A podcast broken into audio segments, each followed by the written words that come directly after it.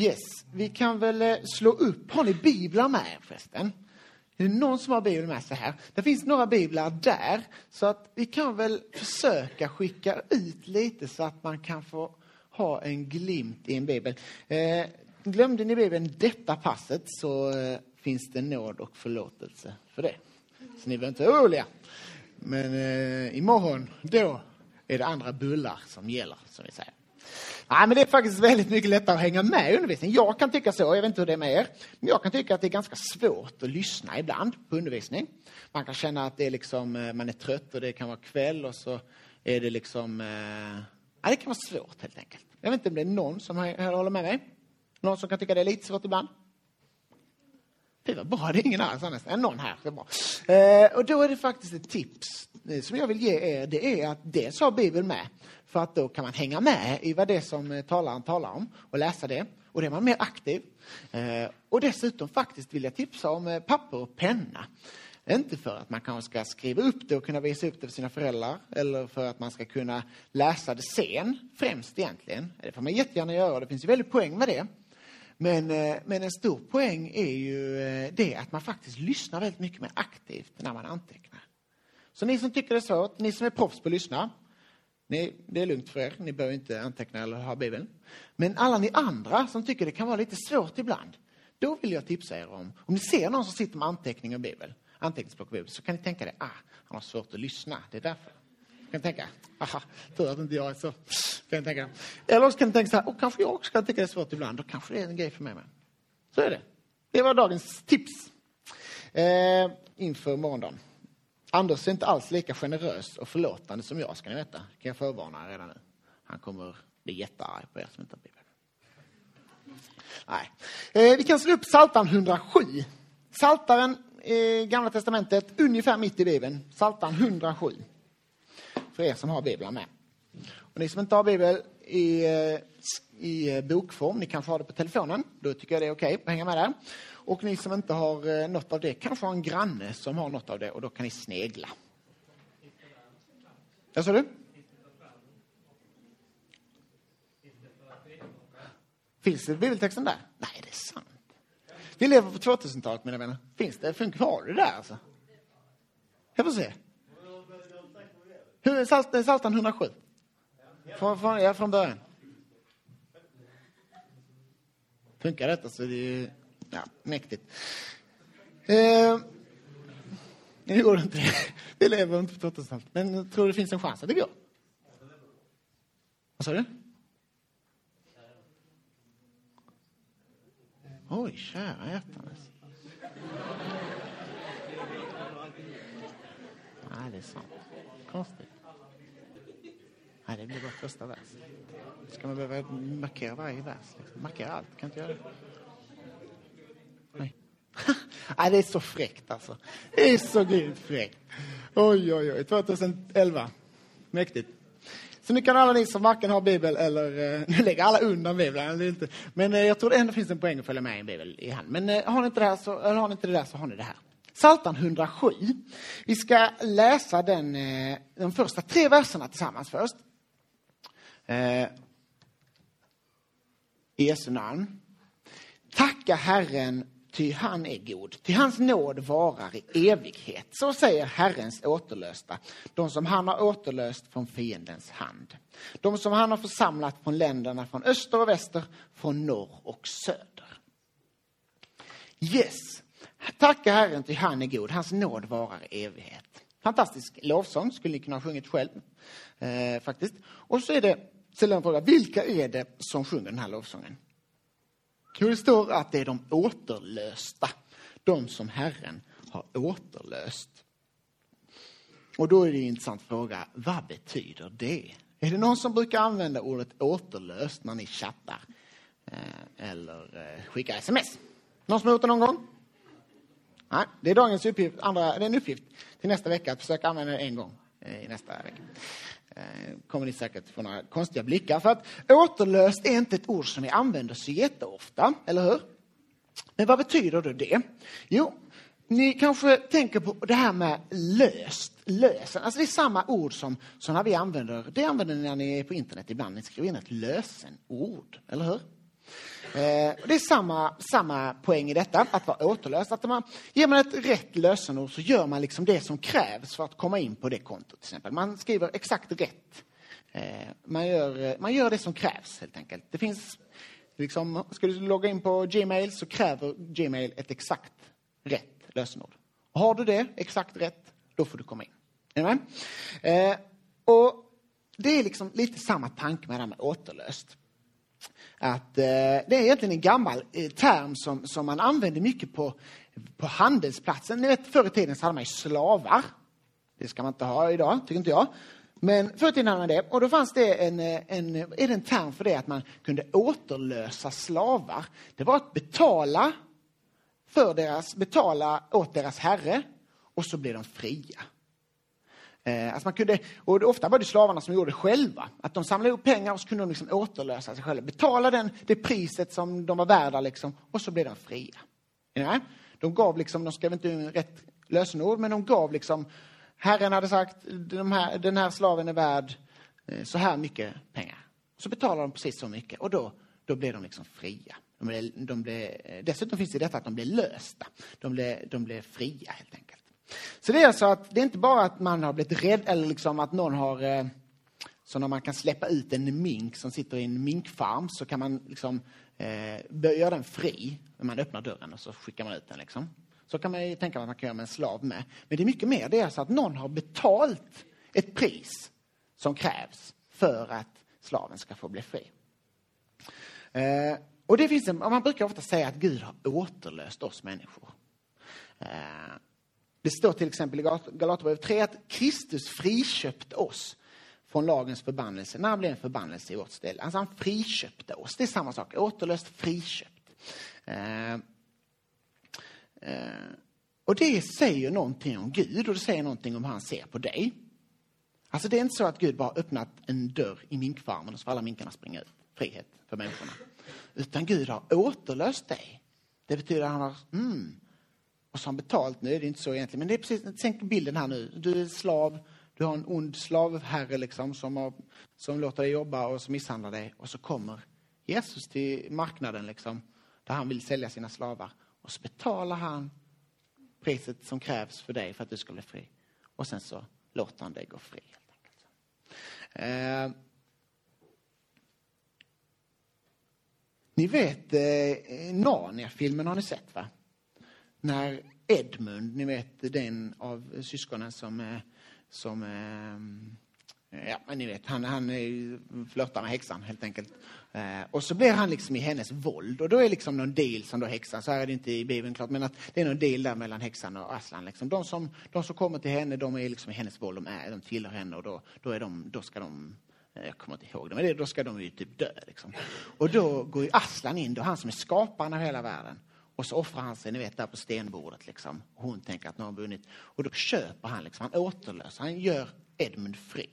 Det, det är liksom straffet som Edmund skulle haft för att hon gick, han gick över på hennes sida. Det tog Aslan istället. Liksom. Och det är liksom hur, hur Gud har gjort med oss. Eh, på ett sätt sen syndafallet, sen när människan liksom valde bort Gud och vi alla egentligen dagligen på ett sätt vänder, vänder, väljer bort Gud, så är liksom vi på ett sätt det låter hemskt, men på ett sätt är vi liksom i den ondes våld. Den onde djävulen, han började upproret mot Gud. Och varenda gång vi liksom gör mot Guds vilja så är det på ett sätt att vi joinar in i det upproret. Gud hade skapat oss och så vill han liksom köpa tillbaka oss igen till sig. Han betalar det priset, döden, som, eh, som eh, vi egentligen skulle ha haft. Och så finns det det i detta återlöst, alltså åter, att det, man, man, säger att man gör någonting åter och åter och åter igen, alltså om och om igen. Eh, och det, dels har med detta att göra då att Jesus hade gjort oss från början, han hade skapat oss. Och sen föll vi den onde, till den onde och sen så vill han, han köpt tillbaka oss, han har tagit tillbaka oss igen. Liksom. Det är hos honom vi egentligen hör hemma och så har han liksom plockat hem oss igen. Eh, Samtidigt finns det också en poäng i det tror jag, när vi tänker på helgens tema, att, att Gud är beredd att göra detta åter och åter och åter igen. Om och om igen. Han har ett enormt tålamod med oss. Eh, helgens tema är alltså en trofast Gud. Eh, att Gud håller det han har lovat och att han inte överger och lämnar. Och att han kan göra det åter och åter, om och om igen, liksom, ta tillbaka oss till sig. För att han älskar dig så mycket. Han vill ha dig hos sig. Och så kanske du springer bort och så vill han ha tillbaks dig. Och så springer du bort och så vill han ta tillbaks dig. Eh, Gud är trofast. Ja, vad är det han har lovat? Jo, han har lovat nåd och en gratis, liksom, öppen, kärleksfull famn för alla som vänder sig till honom. Eh, oavsett om vi har fallit, oavsett om vi har klantat till det. Till alla som vänder sig till honom. Oavsett vad vi har gjort. Förlåtelse och nåd, det är vad Gud har lovat. Och så är han trofast. Han kan inte bryta sina löften. Har Gud lovat en öppen famn till alla som vänder sig till honom så håller han det. Då sviker han inte det. Och det är fantastiskt. För vi tänker, människor funkar inte så. Vi tänker, nu har han väl ändå tröttnat på mig. Nu har jag misslyckats för 51 gången. Liksom. Ja, men då, vi vet själva hur vi ser på andra människor. Vi kan tröttna och säga, nej nu får det räcka. Liksom. Men Gud har så mycket tålamod. Han är trofast. Han har lovat en öppen famn till de som verkligen vänder sig till honom. Och den öppna famnen, den, den eh, håller han kvar. Om och om igen. Så problemet för människan är aldrig att vi, att Gud inte vill ta emot. Problemet för människan är om vi inte vill vända oss till honom.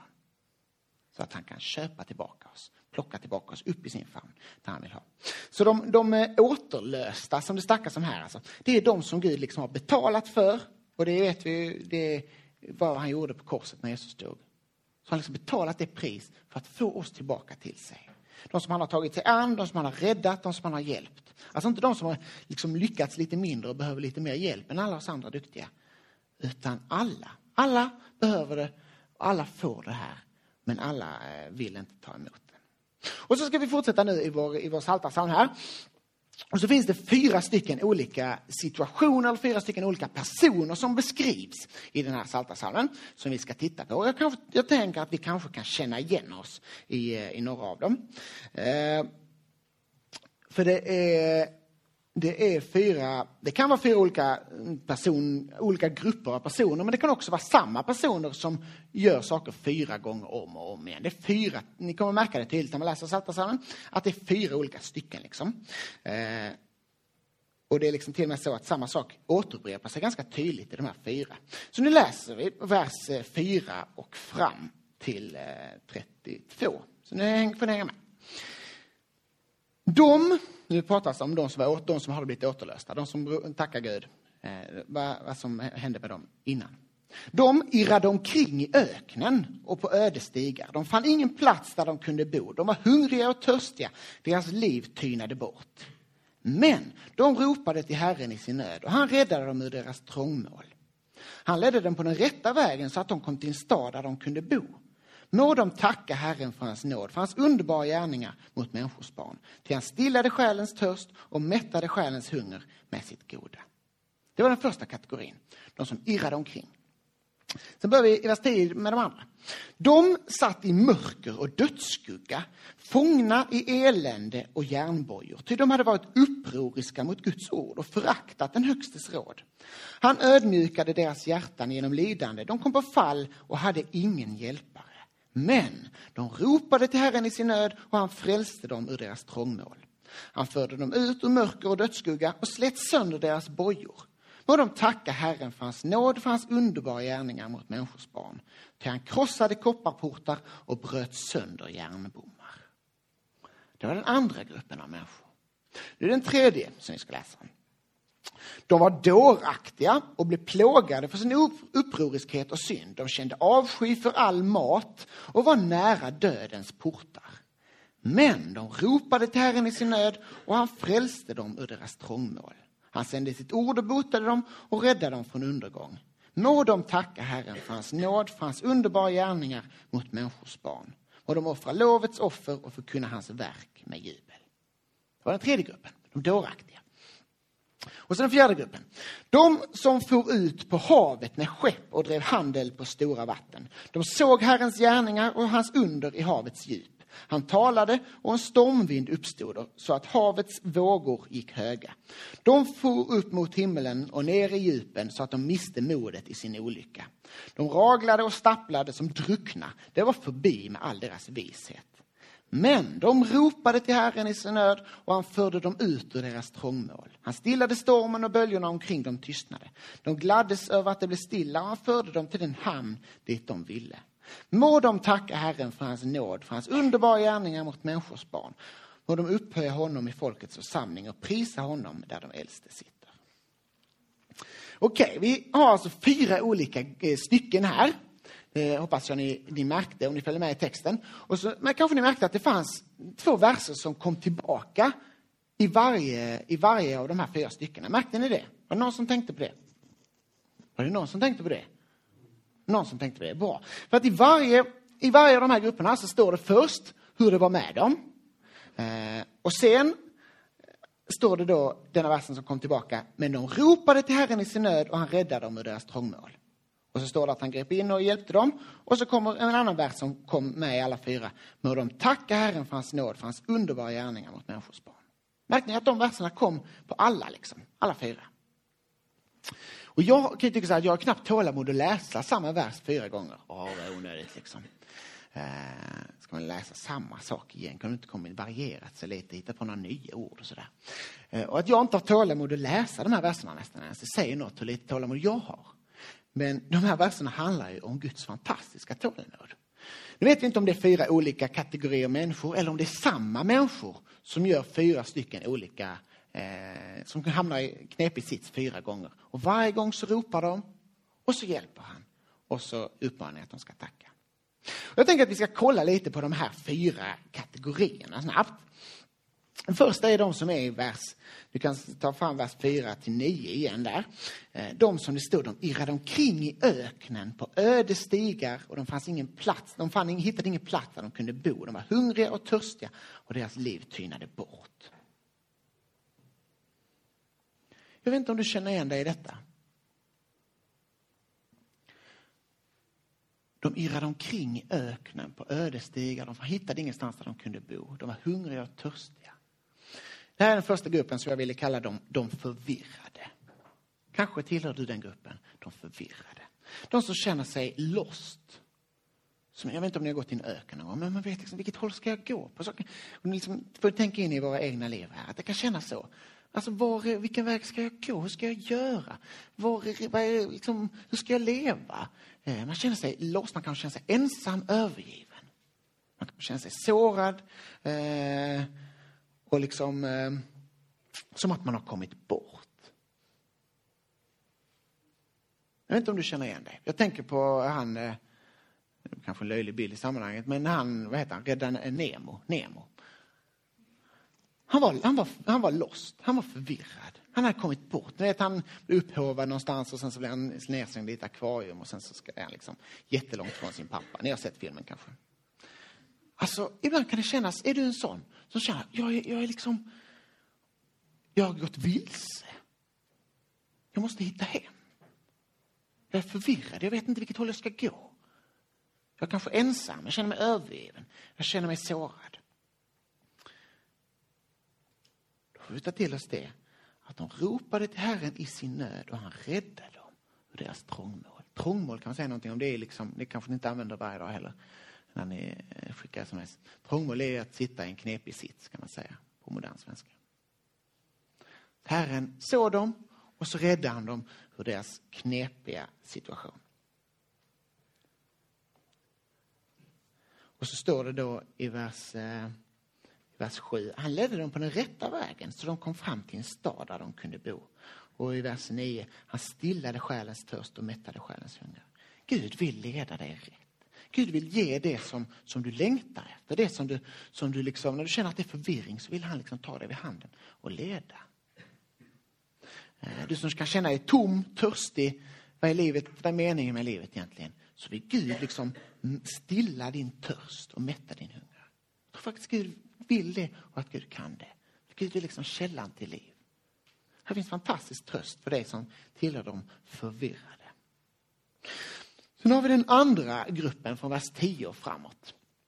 De som jag kallar de upproriska. Det står att de har föraktat Guds väg, att de har gjort uppror mot Gud. Och därför har de blivit fångar. De sitter som i järnbojor och de har ingen hjälpare. Eh, kanske, och det är allvarligt, kanske känner du att du är där. Eller att det finns någonting i dig som är där, som gör uppror mot Gud. Jag pallar inte. Varför ska han bestämma? Jag vill, jag, vill, vad ska jag läsa Bibeln för? Jag kan väl läsa, skriva min egen bok hur man ska leva. Och så vill man leva sitt eget liv istället för att låta Gud vara den som, som är herre och får bestämma. Så lever man kanske i uppror. Eh, och jag tror att uppror mot Gud, att strunta i Gud och säga nej jag behöver inte Gud. Det leder, som det står här, till, till, till att de sitter i mörker, i elände, i järnbojor. De sitter liksom fast, de fastnar i det negativa tankarna om Gud. Ah, eh, negativ attityd till, till, till, till Gud och det som har med Gud att göra. Eh, kanske är det någon här som känner att ja, men där är faktiskt jag. Jag tänker på, om man ska tänka ytterligare en film eh, eh, karaktär så tänker jag ju såklart på han eh, Anakin Skywalker i, Star Wars. Det är ganska dramatiskt. Det är ingen här som säger jo men jag vill vara han. Men kanske finns ni vet han Eh, har ni sett filmerna? Det har ni kanske gjort någon gång. Så, ni vet, man kan väl liksom, varför liksom? Hur kunde han välja liksom den onda sidan så? Uh, men ibland kan jag bara känna att jag förstår precis, för det finns någonting i mig också som bara, ah, pallar, jag vill bo, jag pallar inte, jag vill liksom vara med här i mitt eget liv. Skit i Gud. Kanske har vi en Anakin i oss, och kanske känner någon här inne sig som att ah, men det är där jag är, eh, i uppror faktiskt mot Gud. Då sitter de där i fångenskap, i järnbojor. Och så tänker man, ja, men du får skylla dig själv. Du har lämnat Gud. Det är klart att du kommer i järnbojor då. Och det som är spännande är också att det är faktiskt Gud som på ett sätt har lett dem in i detta för att han vill ödmjuka dem, står det. Eh. Men så står det ändå i vers 13 återigen då. Men de ropade till Herren i sin nöd och han frälste dem ur deras trångmål. Fantastiskt. Samma sak gäller för dem. De som har gjort uppror mot Gud. De får ropa till Herren och han frälser dem i deras nöd. I deras nöd. Och så står det att han, det står så oerhört starkt här i vers eh, 14. Han förde dem ut ur mörker och dödsskugga. Han slet sönder deras bojor. Jag tror Gud vill befria dig från det. En negativ attityd och upproret mot Gud. Och i vers 16, han krossade kopparportar och bröt sönder järnbommar. Vilken fantastisk bild för Gud. Och det kan vi läsa även vi andra. Vi kan sitta fast i något annat som inte är uppror mot Gud så vill Gud liksom gripa in och bara bryta. Sen är Gud framför er. Han bara bryter sönder de här kopparportarna, bryter sönder järnbommarna. Och så vill han befria dig från den liksom, upprorstankarna och liksom den attityden eh, mot Gud. Så att han vill ödmjuka dig så att du istället, åh, tack. Eh, och att du får fly till Gud istället. Så den andra kategorin, de upproriska. Anakin och kompani. Så läser vi vidare i vers 17. Eh, och det är de som jag skulle vilja kalla de korkade. Det står så här, de var dåraktiga och blev plågade för sin upproriskhet och synd. De kände avsky för all mat och var nära dödens portar. Jag vill inte gå ut och säga att ni är dumma här. Det känns inte så positivt. Hej, välkommen till vårt läger. Ni är korkade. Men kanske kan jag känna att visst finns det så mycket i våra liv. Alltså visst lever vi så ofta på ett sätt som inte är bra för oss själva. Jag vet inte om ni har insett det. Jag har insett det. Eh, alltså exemplet avsky för mat. Ja, men det kan, vi, det kan vi tänka i huvudet. Hur smart är det? Att ha avsky för mat när det är det som liksom gör att vi kan leva. Och det var ett exempel hur vi liksom inser att vi, det finns någonting i oss som, som är så korkat egentligen. Alltså, är ni med på vad jag menar? Jag kan komma på mig själv. Varför gör jag det som liksom inte är meningsfullt? Varför lägger jag så mycket tid på det som, som inte ger någonting? Etc. Det finns massa exempel. Liksom.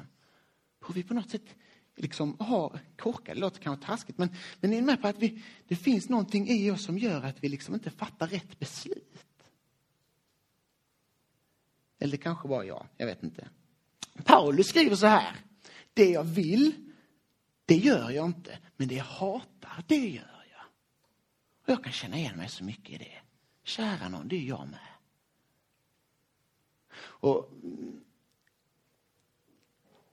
ja, nej, eh, jag tänker på Kalanka. det är kanske en ännu löjligare bild, men på något sätt, Kalanka har en tendens att alltid ställa till det för sig själv. Liksom. Eller hur? Han gör så mycket grejer. Löjlig bild, ingen här som känns som Kalanka, men så mycket korkade. Han lyckas alltid sätta sig i klistret. Liksom. Och visst är jag också sån så ofta. Kanske känner du också att du tillhör dem som liksom är korkade ibland. Men så står det att de som är korkade, ja då, det känns fantastiskt. Då får vi ropa till Herren i sin nöd och han frälste dem ur deras trångmål. Att Gud vill faktiskt rädda. Vi får fly till honom och så vill han rädda oss. Och så står det att han sände sitt ord. Alltså, man vet inte vad är rätt, vad är fel, vad, man gör saker som är fel. Och så får Gud på något sätt visa att detta är min väg, detta är en sund väg, detta är rätt väg som leder till livet. Och så botade han dem, står det i vers 20. Han botade dem och han räddade dem från undergång. Vilket fantastiskt löfte för de av oss som känner sig eh, korkade ibland. Eller som upptäcker som Paulus att det jag vill, det gör jag inte. Men det jag hatar, det gör jag. Eh, det finns så mycket destruktivt i vårt samhälle och det är så oerhört lätt att vi smittas av det. Visst är det så? Så det var den tredje gruppen, Kalanka och kompani. Så tänkte jag på den fjärde gruppen. De som for ut, i vers 23 läser vi då. De som for ut på havet med skepp och drev handel på stora vatten. De såg Herrens gärningar och hans under i havets djup. Alltså skepp på havet, är så här, jaha, de åkte ut på skepp på havet, vad betyder det? Det var en konstig bild kanske. Men om man tänker på den här tiden så var liksom skepp på havet, det var att vara liksom framgångsrik. För om man var affärsman eh, och man hade gott om rikedomar, då kunde man ha sitt skepp och då kunde man göra handel med andra länder. Så att ha skepp på havet, det är liksom inte så en hobby som det är idag, utan det här handlar om att ha lyckats i livet. Att vara framgångsrik. Eh, att vara lyckad, att liksom ha en oerhörd också på något sätt, det kan också leda till ett högmod, till en överdriven tro på sig själv. Det står att de såg Herrens gärningar. Jag tror det handlar om en förståelse, alltså rent att vara kunnig, att vara vis, att ha kunskap. Liksom. Någon av er som kan plugga naturvetenskap så här, man liksom ser Herrens gärningar. Man pluggar biologi och ser hur ögat ser ut. Alltså det, finns, det är liksom det jag tror det syftar på här, att de har stor förståelse. De var duktiga, rika, framgångsrika och så hade de en fantastisk förståelse. Och det är fantastiskt bra, eller hur? Ah. Men Herren behövde ödmjuka dem. De trodde liksom så mycket på sig själv så att de inte behövde Gud. Och kanske är du här som känner så. Jag koll, jag vill, jag har min skola, liksom, jag ska ha karriär, jag ska bli det här. Det finns så mycket annat i livet som jag liksom håller på att bygga upp mitt lyckade liv så att Gud egentligen blir ganska ointressant. Det finns så mycket viktiga saker. Karriär, popularitet, pojkvän, flickvän, träning, skola, allt möjligt. Men det leder ingen vart i, i, i slutändan. För det är bara Gud som kan möta vårt innersta behov. Och det märker de för att Gud skickar en stormvind så att, så att det liksom, de inser, kära någon vad jag är liten. Det är det man säger om man, man, liksom, man kan veta allting om hur åskväder funkar. Fast möter man ett åskväder själv när man är ute på en bergstopp, då är man inte så kaxig. Det är lite det Gud gör här. Kära någon, jag behöver hjälp. Och vad står det då? Jo, det står fantastiskt. De ropade till Herren i sin nöd och han förde dem ut ur deras trångmål.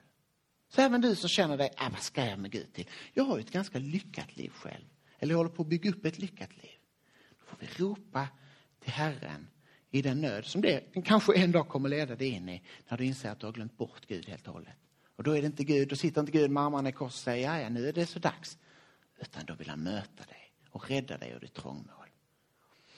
Eh, jag tänker på, eh, om jag ska ta en avslutande filmkaraktär, på han Boromir i, i Sagan om ringen. Ni har sett Sagan om ringen va? Han, är ju, eh, han tror ganska högt om sig själv. Ni att han ger sig till slut på Frodo för att ta, till, ta ringen. För att han har kommit på en mycket bättre plan. Att om han tar den till sitt land och Minas Tirith, eller vad den här staden heter, så, så kommer han kunna slå Sauron, den onde, mycket bättre. Än att man går med den rakt in i, i Sarons land. Det kan verka väldigt dumt. Så, så han mycket stöd, liksom, ah, jag vet mycket bättre själv. Och så vänder han sig mot det som är, är faktiskt rätt. Och det är en utmaning för oss också. Vi svenskar, vi är smarta kan vi tycka. Låter vi vårt förnuft liksom, eller vår karriär eller vårt lyckade liv få stå i vägen? Ja, det jag inte förstår av Gud, det kan jag inte köpa. Är ni med? Förståndet kommer före Gud. Så det är en utmaning för oss. Men även där så får vi ropa till Herren och så vill han hjälpa oss. Eh, när den dagen vi inser att vi faktiskt behöver honom, när vi inser vår litenhet. fyra olika grupper har vi, fyra olika karaktärer och ni får fundera på, vem är jag? Är jag den förvirrade? Är jag den upproriska? Är jag den eh, korkade? Eller är jag den, eh, den högmodige? Eller kanske är du lite av varje. Så kan det också vara.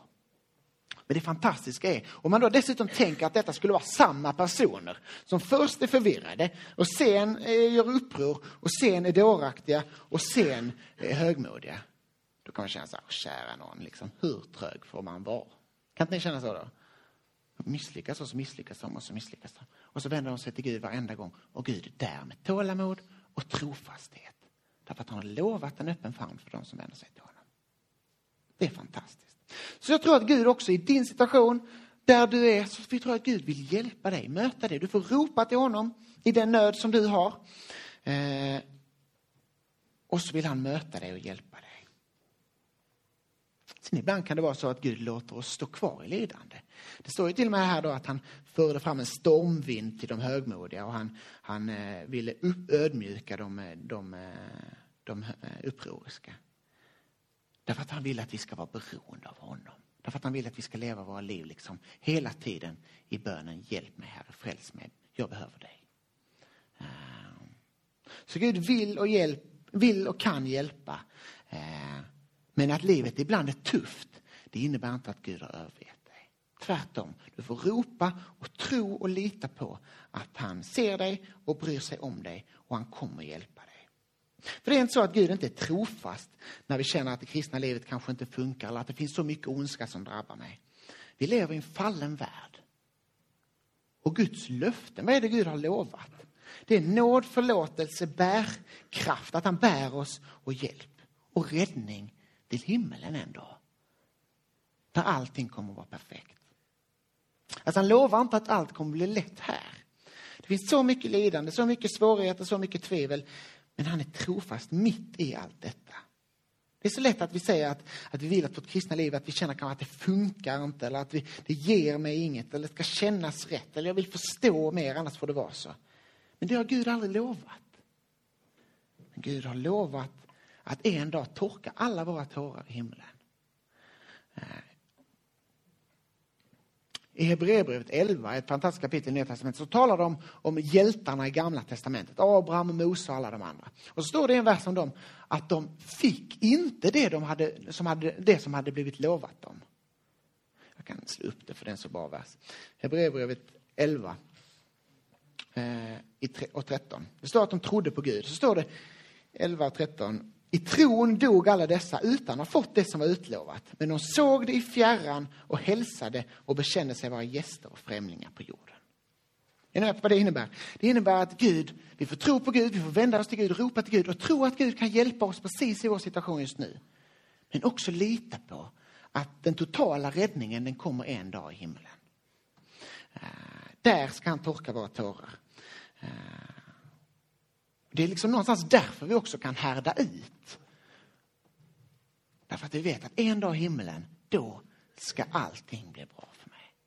Gud är så trofast. Han är trofast nu, att han ser mig, att han bryr sig om mig, att han vill hjälpa mig och rädda mig och göra det konkret. Men han är trofast också i det att han, är, han kommer föra mig hela vägen in i himlen så länge jag är vänd mot honom och ropar till honom att han ska hjälpa mig. Att jag behöver honom, säger det till honom. Det finns ett alldeles fantastiskt bibelord som jag vill avsluta med i andra Timoteusbrevet 2 och 13. Det kan ni slå upp ni som har biblar, eller det kommer kanske här sen. Men ni som har biblar, tycker jag, och det är er egen bibel, kan slå upp och stryka under det, för det är ett alldeles fantastiskt bibelord. Eh, andra Timoteusbrevet 2, 12 och 14. Slå upp det. 2, och 13. Ja, 12 och 13 tar vi där. Är ni med i biblarna? Och på väggen? Andra Timoteusbrevet 2, vers 12 och 13.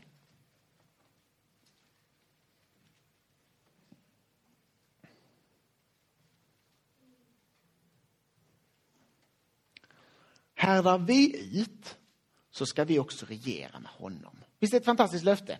Vi som, liksom, vi som orkar fortsätta vara kristna, vi som orkar liksom lova hoppas på Gud. En dag ska vi få regera i himlen sitta på tronen liksom, och regera över änglarna. Står faktiskt att det ska göra det. Fantastiskt löfte. Och så fortsätter det. förnekar vi honom så ska han också förneka oss. Här finns det här allvaret. Att leva i uppror mot Gud utan att vända sig till honom. Det får allvarliga konsekvenser. Då kommer han en dag säga, jag känner inte dig, gå bort från mig. Det finns ett oerhört allvar i det. Och så kommer nästa, är vi trolösa? Då tänker vi, alltså det handlar om att vi, vi bryr oss inte, vi är otrogna helt enkelt som det heter. Då tänker vi, ja men då kommer han vara otrogen mot oss. Nej, vad står det där? Det står, är vi trolösa? Han förblir trofast, ty han kan inte förneka sig själv. Det är en vers man kan stryka under. Här där vi är ut ska vi också regera med honom. Förnekar vi honom ska han förneka oss. Är vi trolösa, han förblir trofast, ty han kan inte förneka sig själv. Fantastiskt. Gud är så trofast. Om vi faller, om vi misslyckas, om vi är otrogna, så får vi alltid komma tillbaka för han är trofast. Och det är liksom vem Gud är. Så om han inte skulle vara trofast skulle han förneka sig själv och det kan han inte. Alltså det är inpräntat i vem Gud, i Guds innersta kärna, hans karaktär. Att han är trofast, att han inte sviker sina löften. Och därför kan du som känner dig som en av de här fyra, eller som en dag kommer göra det, om 30 år kanske du känner, kära någon, jag har levt i uppror, jag har vänt Gud ryggen. Och då tänker du, ah, men då är det, då, ja, då har jag svikit honom, då finns det ingen väg tillbaka. Så ta till er detta bibelordet då. Att om vi har varit trolösa, han förblir trofast under hela tiden. Vi får vända oss till honom. Så får vi en öppen famn, nåd, förlåtelse och kärlek. För han älskar dig så mycket. Så är du en... Eh, en... Eh, vad hade vi? En Nemo som har kommit bort. En Anakin som lever i uppror. En kalanka som ställer till det för dig själv. Eller en eh, Boromir som tror dig själv om lite för mycket. Eller satsar lite för mycket på din egen linje. får du reflektera över. Men oavsett vilket så får du den här helgen också vända dig till honom, ropa till honom. Och så vill han möta dig och vara trofast mot dig med en öppen famn. Här och nu vill han hjälpa. Och en dag kommer han hjälpa dig slutgiltigt. Eh, när du går in i himlen och han säger välkommen in. Bra kämpat. Nu är det fest. Vi ber tillsammans. Jesus, jag tackar dig för din trofasthet mot oss. Tack för att du eh, är så god mot oss. Tack för att du känner oss var och en som sitter här inne. Vi, eh, du känner oss eh, bättre än vad vi själva gör här. Du vet var vi är, om vi är förvirrade eller om vi lever i uppror eller om vi bara är, Eh, ställer till det för oss eller om vi liksom är högmodiga och inte har plats för dig i våra liv för att vi har så mycket annat som, tar, som är så mycket viktigare och tar mycket plats här. Eh, jag tackar dig för att du känner oss.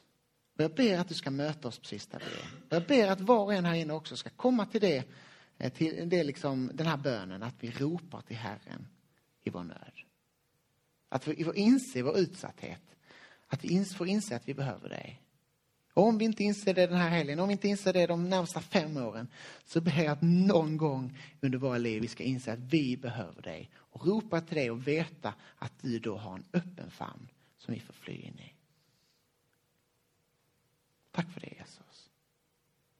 Du ser att det är så svårt, det är så mycket kamp i livet också.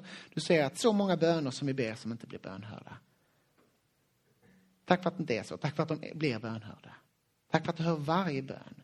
Sen svarar du inte alltid som vi vill och ofta förstår vi inte det och vi får vara arga och sura på dig för det här och vi förstår inte dig alltid Herre. Men jag ber då att vi ska våga lita på att du är trofast och att du en dag kommer liksom eh, föra allting in i, i, eh, i, ett, eh, i, det, i ett gott och ett perfekt tillstånd igen. Herre. Vi lämnar oss och den här helgen i dina händer, Gud. Jag ber att du ska vara här och möta oss precis där vi är. I Jesu Kristi namn.